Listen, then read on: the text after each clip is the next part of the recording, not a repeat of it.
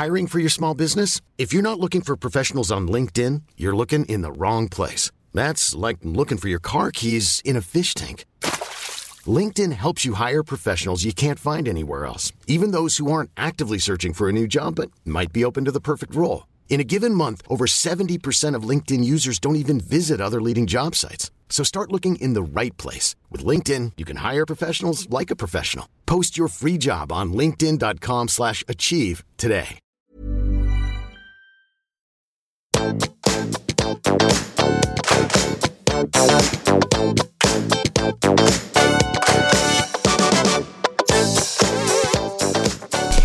alle sammen, og velkommen tilbake til podkasten Karriereveiledning med Elaine. Som lovet så er Tom Nordli på plass nok en gang. Hei, Tom. Hei, hei. Takk for sist. Du, vi er jo nesten kan si, gamle kjenninger nå. og det hadde jo kommet inn veldig mange spørsmål. Det har faktisk kommet inn over 93 spørsmål.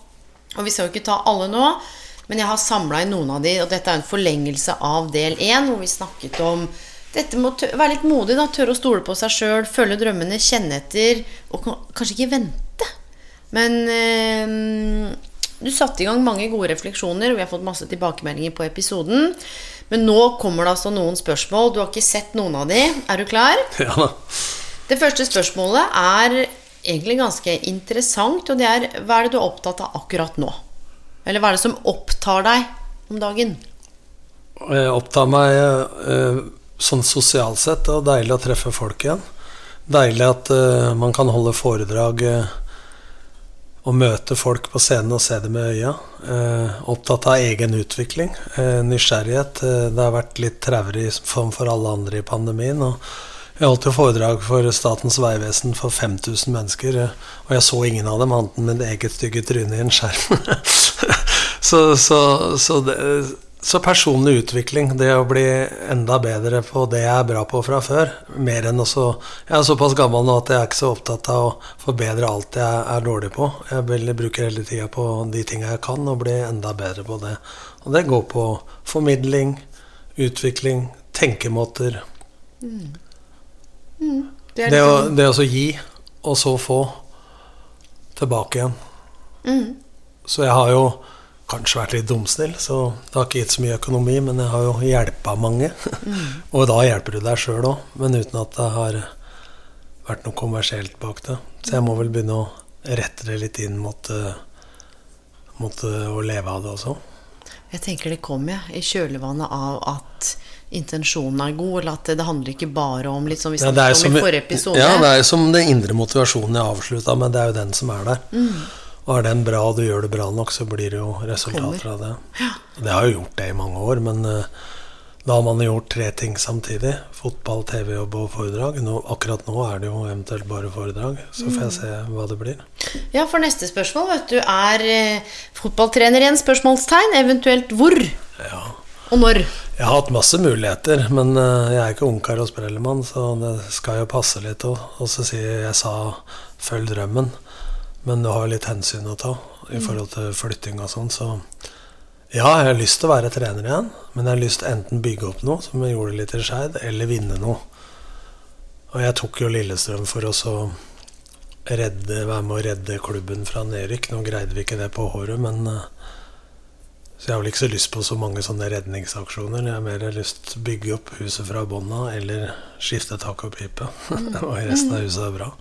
Så det, det skjer så mye i fotballen at det, det er vel første gangen jeg har vært ute av det, eh, 2021. Så, så vi får se. Men eh, ja, jeg har lyst til det, men ikke for enhver pris. Og det er jo litt tilbake til kanskje vi snakket om med verdier ikke sant, i den forrige episoden. Og igjen, da. Eh, fotballspørsmål, men, eller, eller fotball er mer et personlig spørsmål, men det står 'Digger deg, Tom'. Kan du si litt om hva du tenker veldig kort om hvordan fotballen har forandra seg? Fra 1990-2000-tallet og til nå, og ikke nødvendigvis klubber og overganger, men eh, kulturen For at det står parentes Det virker så mye hardere. Jeg veit man fikk sparken før, mens nå er det liksom prestasjon for enhver pris. Ja, jeg syns det var tøffere du? mellom 2000 og 2010 enn det det er nå. Ja. Eh, Men akkurat som fotballen har utvikla seg, så er det at eh, man løper ikke noe lenger per kamp per spiller i dag. Men um, hvis du løper 13 km en kamp, da, så løper du det mye fortere. Altså intensiteten og tempoet i det. Uh, de er mer gjennomtrente. Uh, før, når vi hadde en gammel VHS-kassett og et sånt analyseprogram på PC-en som du drev med sjøl, så har de i dag 15-16 ansatte rundt et A-lag. Egne analysefolk, utviklingssjefer, fysiske trenere, massører, mentale trenere osv. Før så var det hovedtrener, hjelpetrener, keepertrener og kanskje en fysisk trener. Så nå kan de gjennom droner og alt eh, bare se treninga på iPad etterpå, og spillerne kan få ut sine bevegelser og utviklingsmål.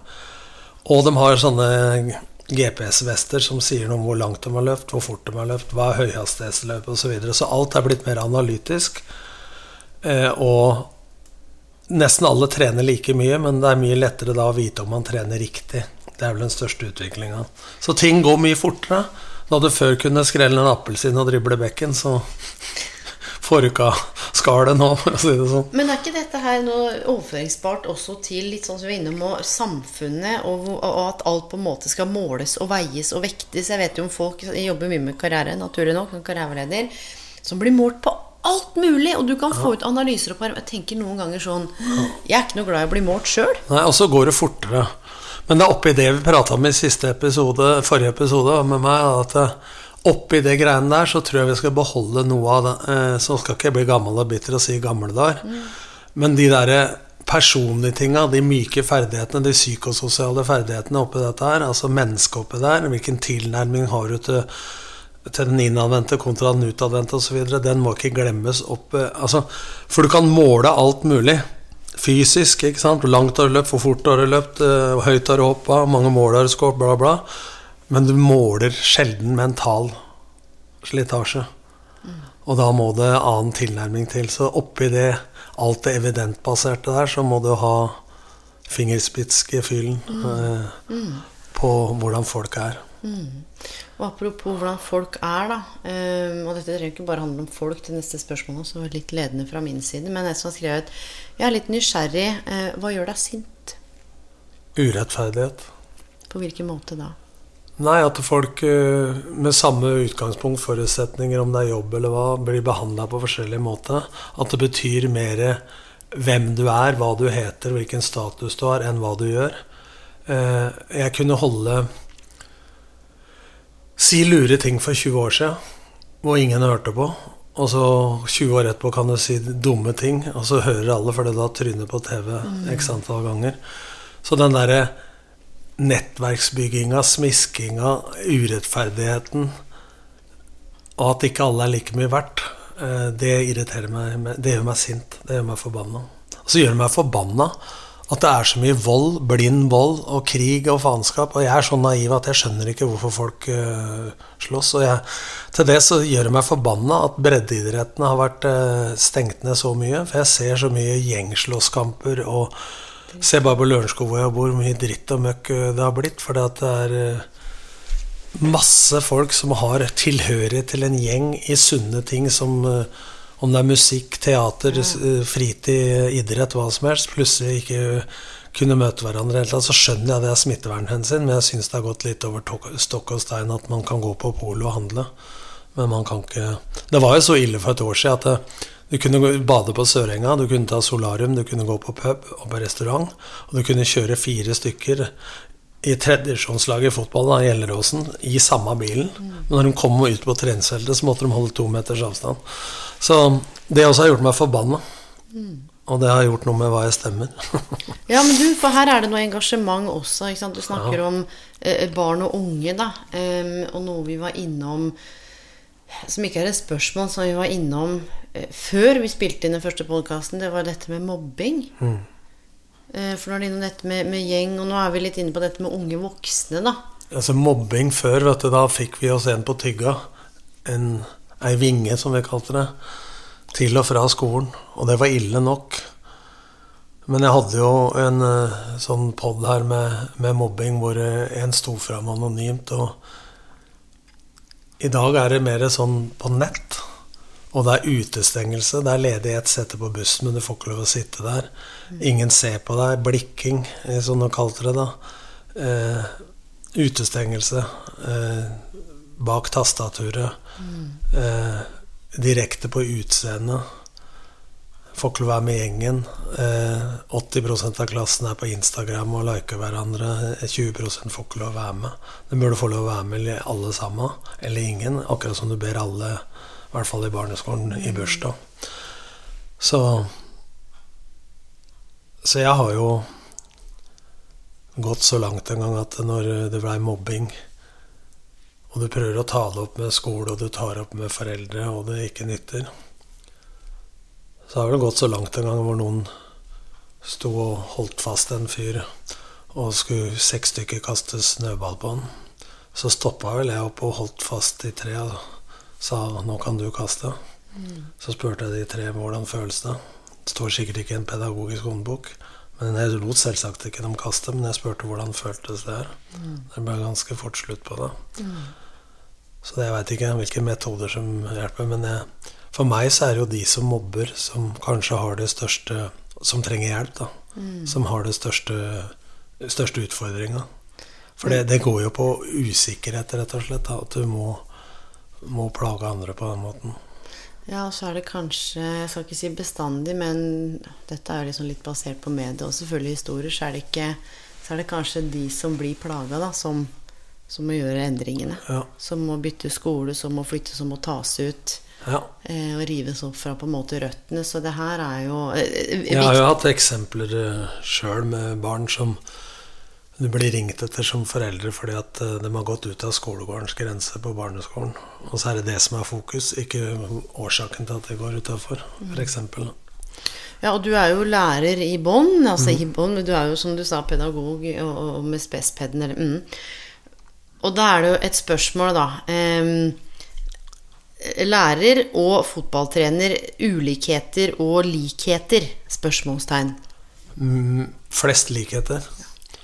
Du har noen eh, Altså Det er litt mer individuelt i klasserommet, da, men tross alt så er det selv i idrett ingen er god aleine. Og du ser bare hvor de roser Warholm mye betydning de andre i teamet har, f.eks. Og unne andre suksess. Men det er jo mer med gruppearbeid og prosjekter og sånn, og du skal få folk til å prestere sammen. Ulikhetene er jo at eh, du har større frihet til å behandle folk utafor en eller annen LO eller fagforening. Altså det er i utgangspunktet topp motiverte folk da, som driver idrett, som har en litt høyere terskel på type tilbakemelding enn du har i, i skolen, selvsagt. Mm. For det er jo noen reklamer for ost og sånn som sier ja, men hvis du sier det, så henter jeg pappa, og pappa kjenner en advokat som Det var jo sånn da jeg var lærer senest i 2010, og hvor, hvor folk spilte kort i hjørnet. Det var tredje klasse på idrettslinja og satt med iPad og caps på huet og musikk i øra, og jeg bare tok ned alt. Og jeg låste døra to minutter etter hver ringt og sa at jeg får ikke lov å komme inn. Ja, men jeg får, får, jeg fravær? Nei. Men, ja, det har du ikke lov til. Nei, men jeg er vikar, så det driter jeg i. Men uh, ungdommen er fin, vet du. Når vi sklei ut, så sklei vi ut litt, og folk røyka litt. Og dem som sklir ut i dag, sklir ut så mye, men ungdommen kan jo så mye mer i dag enn vi kunne. Så de er som trolldeig, men det gjelder bare å forme dem før du setter dem i ommen. Mm. Ja. Så, så, så, de er formbare, og de som spilte kort, fikk lov å gå i kantina og spille kort. Så de ikke forstyrra de andre. Det var ikke like kult å bryte reglene da som å få en anmerkning. Så det er står ikke i de pedagogiske håndbøker, men det er vel noe learning by doing, da. Mm, og så slår du meg som litt utradisjonell. Eh, så nå kommer litt sånn Dette er et spørsmål fra meg som bare dukka opp. Som leder i et klasserom eller på en bane eller innenfor salg eller hva er det mest utradisjonelle eller rare, litt sånn utfor boksen du har gjort da, for å ja, uten at det har gått på kant med lov. Altså sånne ting. Men hva er det mest utradisjonelle? For du slår meg ikke som en steg én, steg to. Du er strategisk, men du har litt guts, da, så du mm. Ja, det blir jo sånn, sånn, som jeg sa nå. Men jeg hadde et eksempel på Lørenskog videregående hvor vi hadde prøve i idrettsteori. Hvor jeg samla inn alle boblejakkene og telefonene og la på kateteret, som det het. Så satt jeg meg bak i klasserommet og sa nå kan dere jukse, for jeg kan alle triksa. og så kom det en melding på en telefon til en av elevene. Og så tok jeg den telefonen, og der sto det Ja, det er eh, X og Y. Vi er hjemme og skulker i dag. Gjør du òg? Hilsen X. Så jeg svarte nei, det gjør de ikke. Og det bør det ikke dere gjøre heller. Hilsen Tom. Nei, slutt å kødde. Så tok jeg min egen telefon og sendte samme meldinga. Det tror jeg sto i Romerikes Blad. Men, Men For det hadde egentlig vært nesten utenkelig nå. ja, men poenget Dette er 2010. Ja, ja. Og det gikk som en sånn farsott på skolegården, og jeg var vikar, så jeg ga faen i det. Men jeg måtte ikke sette noen anmerkninger. Og så var det jo en jeg tok i juks, da. Som hadde eh, fått eh, toere, og plutselig fikk fire. Så var jeg såpass utradisjonell, men jeg visste at mennesker tålte det. Jeg kjente Ja, foreldre og sånn. Og så spurte jeg rett ut at eh, er du fornøyd med fire? Ja, jeg er kjempefornøyd. Ja, Men det er vel ikke så godt gjort å jukse seg til en firer? Sa jeg. men det var en idrettslinje, og det var Ja, folk jeg kjente, så det er klart at men, Og jeg sa vel noe sånn som at jeg skrev på tavla hvor mye jeg skulle gå ned i løpet av et år hvis de fikk så og så gode karakterer. For det var folk som hadde hatt fire, femmer og seksere før, som hadde ener og toer i begynnelsen av russetida. Så jeg forplikta meg litt. Og jeg tror det at jeg satte folk som er dårlige i et fag, sammen med folk som er bedre i et fag. Så det blei litt sånn skjult læring fra elev til elev. Og det var en far som møtte meg på utdanningsmessa, som sa at eh, jeg hadde inspirert Jeg brukte meg sjøl som eksempel. Jeg trente så mye og måtte ta opp to fag, for jeg skulka litt. Andre skulle gjøre det pga. russetida. Og det, det lønner seg aldri, for du får nesten aldri tatt det opp igjen. Så jeg brukte min egen sårbarhet da, som et eksempel. Så dette er vel to-tre eksempler på Jeg har ikke gjort noe alvorligere enn det, men det var, jeg tror ikke det står i den pedagogiske håndboka. Ikke de jeg hadde på verken Spesped eller på PED. Men det er litt kult, for det neste spørsmålet er hva er den største forskjellen mellom øh, en parentes, så kommer an på en som leser, men mellom hvordan du opplever at mediet på, Vi var litt innom det forrige episode. Hvordan mediet på en måte fremstiller eller prøver, og den du er. Altså, jeg har godt forhold til media, men jeg veit jo etter hvert som Altså, jeg har jobba 16 år i media sjøl, og jeg kan bli intervjua i 15 minutter, og så skal saken vare i 50 sekunder, og når jeg da med min rappkjefthet kommer med en punchline, så veit jeg hva som kommer på TV, eller kommer i overskrifta. Men så er det sånn at Folk skriver, ikke om meg, da, men folk skriver om uh, bryllupet, de skriver om skilsmissen. Altså det, de skriver om opptura og nedtura. Og så har jo de tinga jeg har gjort, kanskje er 5% av det. Men de 95 andre er ikke så salgbare, for å si det sånn. Så de fleste sier 'jeg trodde ikke du var sånn', som blir kjent med meg. Så jeg syns det er stor forskjell, og jeg syns det er litt trist at det skal bli så tabloid at det, det er bare høye berg og dype daler som skal, skal bety noe. Men hvis du skal begynne å bli paranoid, som jeg var en stund på det, og tror du skal omvende mediene, så tror jeg ikke det er mulig. Men eh, Men hva er det gapet, da? Hva, hva slags inntrykk er det folk det de Nei, jeg, tror nok det er, jeg tror nok det er verre enn det Ja. folk opplever. For når folk møter meg, så syns de jeg er folkelig. Og det jeg tar som sint, har det som, har med de fleste som engasjement. Ja. Men at jeg har stilt krav i overkant uh, siste året i start og for å kige etter å bli et av Skandinavias beste lag, har trent litt tøft og sånn på den tida, ja. Men det å stille krav er jo også en kvalitet. Da. Men da blir det ofte sånn at det sliter ut i omgivelsene og stiller for høye krav og sånn. Og det er jo tid og sted og rom, men jeg mener jo det er en kvalitet. Da. Det er en måte å bli sett på det og bli stilt krav til. Ja. Jeg pleier å si til spillere at eh, Eller om det er elever Hvis du får ros eller kritikk, så betyr det noe. Når du ikke får noen av delene, så pleier jeg å begynne å pakke bagen, for da er det snart slutt. For da betyr det jo ingenting. Så det å kunne ta konstruktiv kritikk også som rettlending for at jeg ønsker at du skal bli bedre, Mm. Så jeg tenker ikke på det til daglig, men det var mer som før. Men mange folk fortsatt er overraska når de blir kjent med meg, enten gjennom foredrag eller sånne podkaster som dette, eller personlig. At uh, de sier jo du trodde ikke, trodde ikke det var sånn som, sånn som det.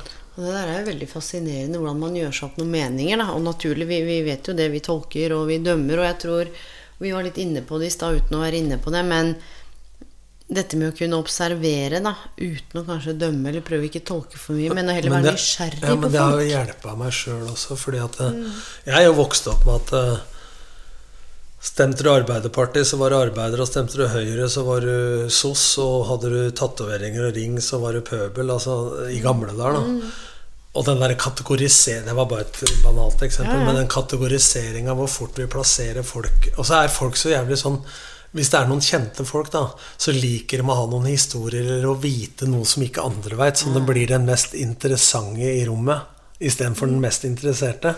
For de veit noe og blir midtpunktet for at de skal fortelle noe. Og så baller det seg på, og så er det ofte ikke sant. Så det er litt slitsomt. Hvis du skal tenke på det, så blir du gal. Så jeg har blitt bedre til å ikke tenke på det. Men nå er ikke så mye i media lenger. Da, så. Nei, men Og så kommer det vel med alder og erfaring, og jo mer reflektert man blir. Og, Og så blir jeg bedre til å fokusere på det jeg kan gjøre noe med. ja, og det var det du snakka om også i for, sant, Som er en rød tråd fra forrige episode med Du snakka om den elven og elvebreddene som rant over, hvordan du kunne på en måte samle fokus. Og da er det litt interessant. Et, to spørsmål til, da. Og det ene handler om Til alle som lytter, hva er det Hva er det du skulle ønske folk visste om det, liksom? Jeg skulle ikke ønske folk visste noe om det. okay. Nei, men altså Mange higer etter å være i media, og det er status å være på TV, og det ser bare på reality. Nå har jeg vært med på noen sjøl, men Hva har du vært med på?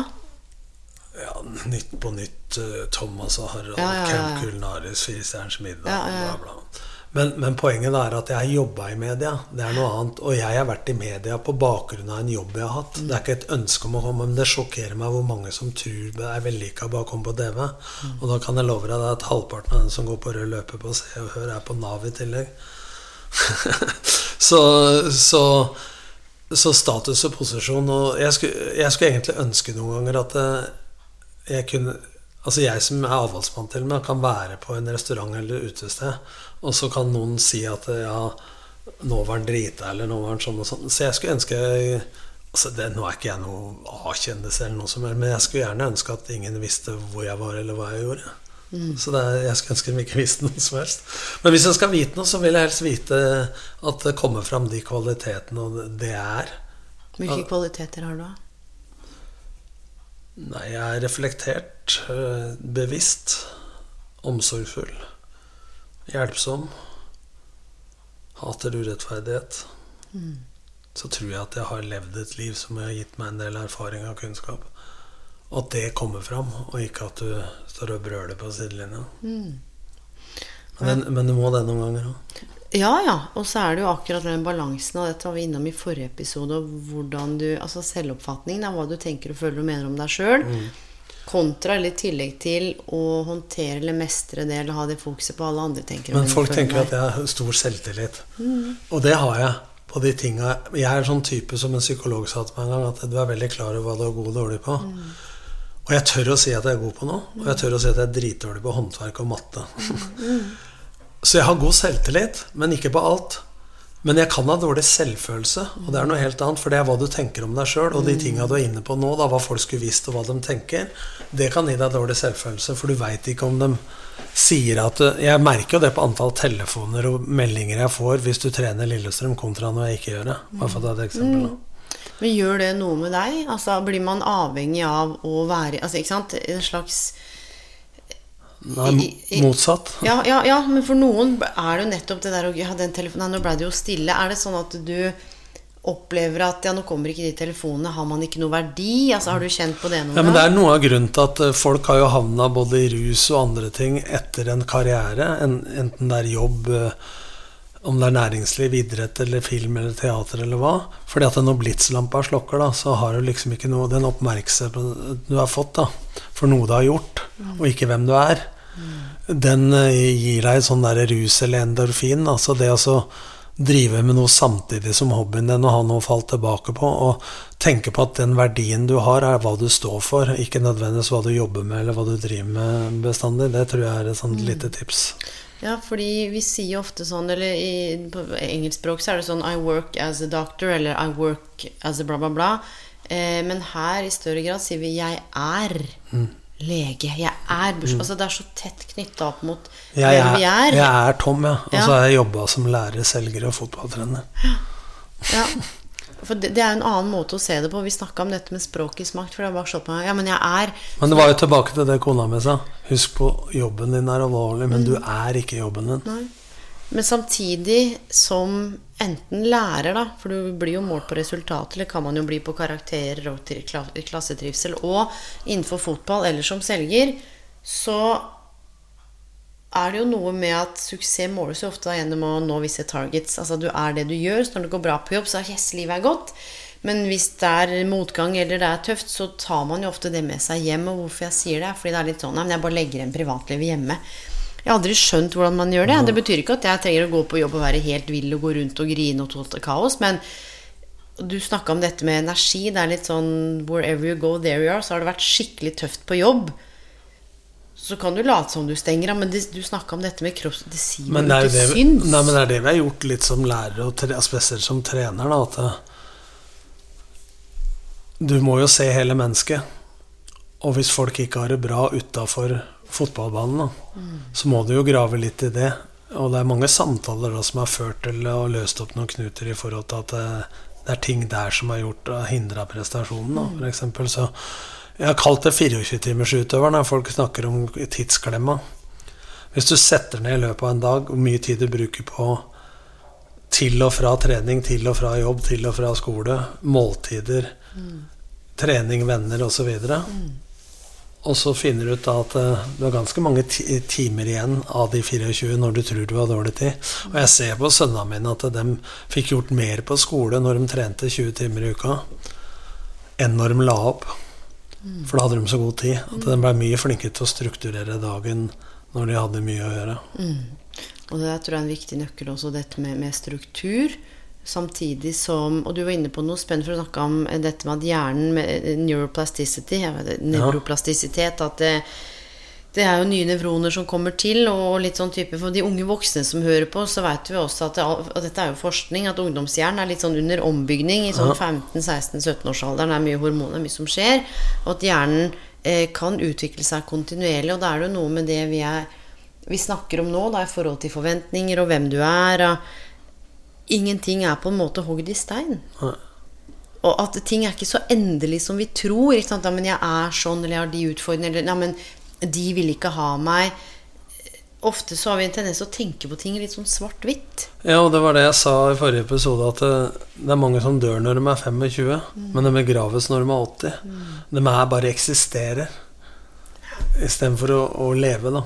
Og hva leve betyr for deg, og hva som er viktig for deg. Altså, jeg er så lei av de derre hytta, bilen, likes og samfunnskrava. Du skal mene det, det er ukorrekt å mene ditt og datt. Eh, Og hvis du i hele tatt tør å mene noe, så, kan, så blir du jo slakta. Har du sett på noen av de kommentarfeltene? Jeg skal bare si det, for jeg ble intervjua i går i forhold til tradisjonelle oljeutdanninger. Er det noe man bør fortsette å ta?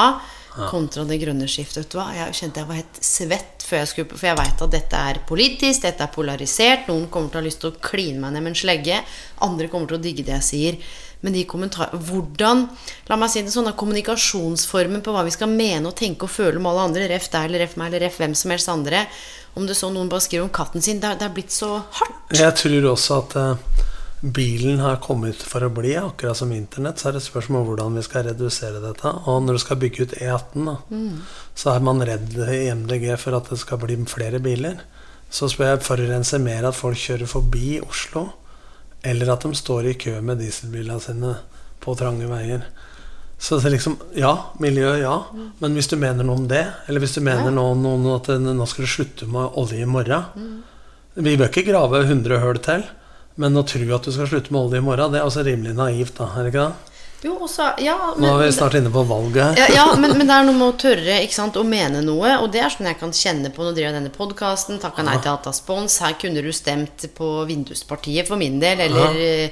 Fotballpartiet hvis jeg hadde fant ikke sant? Det er ikke Men allikevel så er det noe med å tørre å sette ord på noen ting og tørre å mene noe. Det betyr ikke at jeg trenger å mene om alle andre. Folk kan få gjøre som de vil, men de hvert fall tørre å stå for noe. Og det bringer meg litt til det siste spørsmålet. Og det er en som har stilt eh, ikke sant, eh, Skriver bakgrunn. Du har gjort mye. Jeg setter opp deg, digger deg. Mye ros. Og så står det Hvor tenker du nå at samfunnet er på vei? Altså, jeg, er- jeg er litt Jahn Teigen, da. Jeg er optimist, men realist. Og, og jeg er for at vi skal ta hensyn til Og den siste klimarapporten er skremmende. Samtidig så tenker jeg sånn Vi er en sædflekk på verdenskartet. Men hvis du tenker sånn at ikke vi kan gjøre noen forskjell, det må jo begynne et sted, så jeg blir sånn ambivalent oppi Ja. huet. Men jeg syns jo vi er på vei sånn rent sånn teknologisk og forskning på medisin og farmasi, og jeg ser jo bare hvor fort de greide å skaffe vaksine når det brenner. Kan vi skaffe hiv- og kreftvaksine kjappere? Jeg tror det er mye kommersiell tankegang her, så jeg tror det er mye bra, men samtidig at det kommersielle tar over mye. Og så er det det med miljøet. Eh, Og jeg har lest den klimarapporten uten at jeg har Så gjør jeg mine små hensyn, men jeg har ikke slutta å spise biff for det, liksom. Jeg bør ikke spise det hver dag, så Så jeg er eh, realistisk optimistisk, men jeg tror at eh, folk må ikke bare feire under teppet, da, ting som skjer. Altså Det gjelder kan være miljø, men jeg også, det jeg er mest pessimistisk på, det er det som har med når jeg vokste opp, så var det ett drap på Lisa supermarked på Skedsmo. Og Hadelandsdrapene, som det sto om i ett år. Nå leser du om en eller annen som har blitt skutt, to stykker i morges i Oslo. Og så en som blir stikket med kniv, og så er det så vidt vi hever øyenbryna. Altså, vi er i ferd med å normalisere og ta livet av hverandre. Det bekymrer meg. Vold, blind vold. Hvor lett det er å ty til drap, da. Mm. Det, det, skremmer meg faktisk enda mer enn miljøet. Mm. Ja, jeg, mm, det deler jeg med deg. Jeg blir veldig sånn alvorlig, fordi det er En del av meg har lyst til å si sånn Ja, men dette kan vi løse sånn, eller komme opp med noe smart nå. Det kjente jeg at Å, nå, nå må jeg komme med noe. Så kjenner jeg faktisk ikke noe å komme i det hele tatt. Men tenk hvor mye, hvor mye det har utvikla seg, da. Ja. Tenk på Hva het den? Han som fant opp flyet. Jeg husker jo ikke navnet engang. Og Edison med lyset. Det var ingen som hadde gjort det først. Det var en eller annen drøm, en annen drivkreft. Altså jeg tenker jo at det fins noen luringer der ute som har noen løsninger på noe mm. smelting og noe klima osv. Det, det tror jeg er mer løsbart, rent sånn teknisk. Og du må forandre folk òg, men det å forandre på vold og blind vold og det greiene der, det tror jeg ligger dypt i kultur og religion og alt mulig forskjellig. Så det, der tror jeg man, for, man forandrer folka i større grad. Da. Mm. Du må jo det av hensyn også til at hver enkelt menneske kan gjøre noe med, med klima også. Men jeg tror der fins det noe mer teknologiske løsninger enn å forandre atferden til folk og forandre mennesker. Mm. Men uh, nå er jeg inne på ting som jeg egentlig ikke har så peiling på, men som jeg Nei, tenk, tenker på. Da, og jeg tror ikke vi trenger å Og det er akkurat det Men, Jeg har ikke man, noe svar, for å si det Nei, sånn. og man må ikke ha noe svar eller vite alt. Det pleier jeg å si til folk òg når det blei snakk om å vite alt om alt mulig. Det, det, du, det er masse jeg ikke veit, men allikevel så ikke sant, utforsker eller undersøker. Og hvorfor skulle jeg som fotballtrener og lærer med Spesped ha svaret på det? Nå, det er sikkert Du har vært steinrik. ja. Guys, he's a millionaire. ja. Men du, Tom, dette du, her Du sa noe om ja. uh, Hva holder du foredrag om? Spurte du mest da. Svarte jeg på det? Uh, du var så vidt innom, men du kan godt liksom utdype det, for det er jo et av spørsmålene. Ja, for det, Når du spør hva jeg holder foredrag om, så tenker jeg sånn at nå er det fotball. Mm. Men det handler faktisk litt om livet. Oppveksten min. Hvordan gå fra innadvendt til utadvendt. At alt er trenbart. Det går på visjoner, målsetninger, prosesser, teambuilding, konfliktløsning og sånn, men det går også på det som er viktig i dag, å stå i endring. Mm. Samfunnet endrer seg. Det blir digitalt, det blir færre ansatte. sånn sånn. Hvordan du skal takle medgang og motgang, og hvordan du skal stå i endring. Og er det noe jeg har olympisk medalje, så er det jo endring. Altså, du har den toppjobben enda en dag etter har du sparken. Det er jo som jeg sa til Høgmo en gang, du må kjøpe deg bobil og ikke bolig. Ja, ja, og kjøre rundt. Sånn at det, det, handler jo om hvordan takle det som oppstår. Mm. Eh, det går på ledelsesfilosofi. Forskjell på lede over tid, komme under huden på hver enkelt medarbeider, kontra å lede i krise, f.eks. Mm. At det er forskjellig lederstil da. Og, og, det å stå i endring. Men så går det inn i dette at det går i hverandre, da. Og motivasjon og sånne ting. Så men det er et foredrag som går Jeg påstår noe, men så har jeg eksempler fra livet som gir en knagg å henge på nå. Mm. Så der blir det for meg da en del fasiter på åssen jeg har opplevd det. Så bør jo ikke den som hører på, oppleve det samme. Men det kan vært inspirasjon. Ja, og så har jeg opplevd at kontra sånne kickoff og sånn, så har jeg fått tilbakemelding at folk har brukt mye av det i ettertid. Mm. Selv om jeg har vært inne i firmaer og sånn over tid også, det blir jo mer og mer populært å ha coacher i næringslivet osv. Så, videre, så det kan jo være interessant òg, men, men, jeg tror det at eh, det er slutt på den tida. Hør på meg, tenk som meg, så blir du verdensmester. Ja. Så jeg tror det var hele livets fasetter. Da, at eh, hvordan opplevde du motgangen? Hvordan takla du, hvordan takla du ikke? Mm. Hvordan takler du medgangen? Hvordan skaper du gode prestasjoner, ny næring? Så, så, det er jo mer å si for hele livet. Mm. Så det er ikke noe foredrag for uh, spillere, trenere eller fotball. Det er for uh, fedre, mødre mm. Ledere, ansatte, medarbeidere, ja, ja. Det er for folk. Det er for Men er det ikke det vi alle er? Folk er folk. Folk er folk, og det tenker jeg til deg som lytter også. Det har i hvert fall vært um, folkelig og neppe å ha det her uh, på besøk igjen, uh, Tom Nordli. Det er um, Jeg skal finne noen ord å oppsummere det med, så må det vel være um, ja, jeg, jeg, finner ikke helt det, det, er noe med noe raushet her. Altså, du, du, deler, og disse, jeg tror disse historiene, eller vet Disse historiene og eksemplene gjør at Skaper en forståelse for. Og jeg tror avslutningsvis, som du sa, dette er ditt levde liv. Dine tanker og dine historier. Du har jo ikke noe fasit nødvendigvis, men det eksempelet blir jo det for deg. Hvordan andre kan trekke inspirasjon ut av det. Altså, jeg kan ikke lære de som lytter, noen ting, men mine eksempler og metaforer eh, kan jo dem overføre til sitt liv. Og hvis det er én eller to ting de kan ha tatt med seg fra podkast eller fra foredrag, og, og gjør noe med det, så er jo det bare en glede. Jeg har jo sjøl lært masse andre folk uh, som du leder podkast, andre leder podkaster, eller Jeg lærer noe av en trener på 27 år, jeg er i fotball på Gjelleråsen i tredje divisjon. Mm. Jeg sitter ikke og tenker at jeg som er mye eldre og vært med med, har fasitsvar òg. Så jeg, tror det å være åpen og nysgjerrig eh, på hvorfor folk er som de er, og tørre å mm. stille et spørsmål, mm. det skaper refleksjon. Mm. Åpen og nysgjerrig skaper refleksjon. Fin eh, avslutning. Tom Nordli, tusen takk igjen. Nå vet du hvor vi finner deg. Atenas, du er på LinkedIn.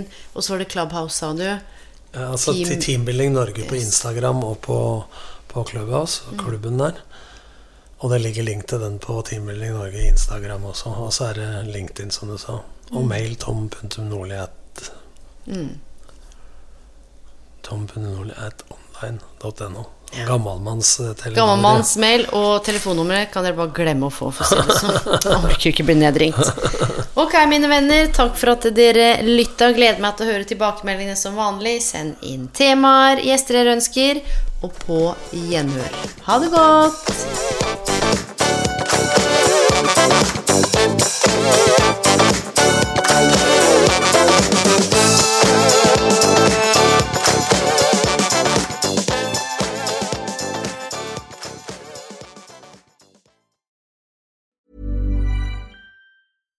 My business used to be weighed down by the complexities of in person payments.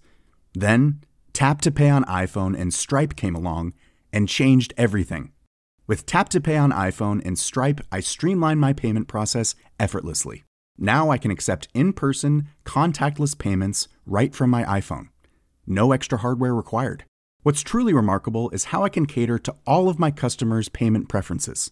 Whether they're using cards, Apple Pay, or other digital wallets, Tap to Pay on iPhone and Stripe ensure a smooth checkout experience every time. And it's not just me. Stripe helps businesses of all sizes, from local markets to global retailers, scale quickly and stay agile. To learn how Tap to Pay on iPhone and Stripe can help grow your revenue and reach, visit stripe.com slash tap iPhone. Ever catch yourself eating the same flavorless dinner three days in a row? Dreaming of something better? Well, HelloFresh is your guilt-free dream come true, baby. It's me, Kiki Palmer. Let's wake up those taste buds with hot, juicy pecan-crusted chicken or garlic butter shrimp scampi. Mm. Hello Fresh. Stop dreaming of all the delicious possibilities and dig in at HelloFresh.com. Let's get this dinner party started.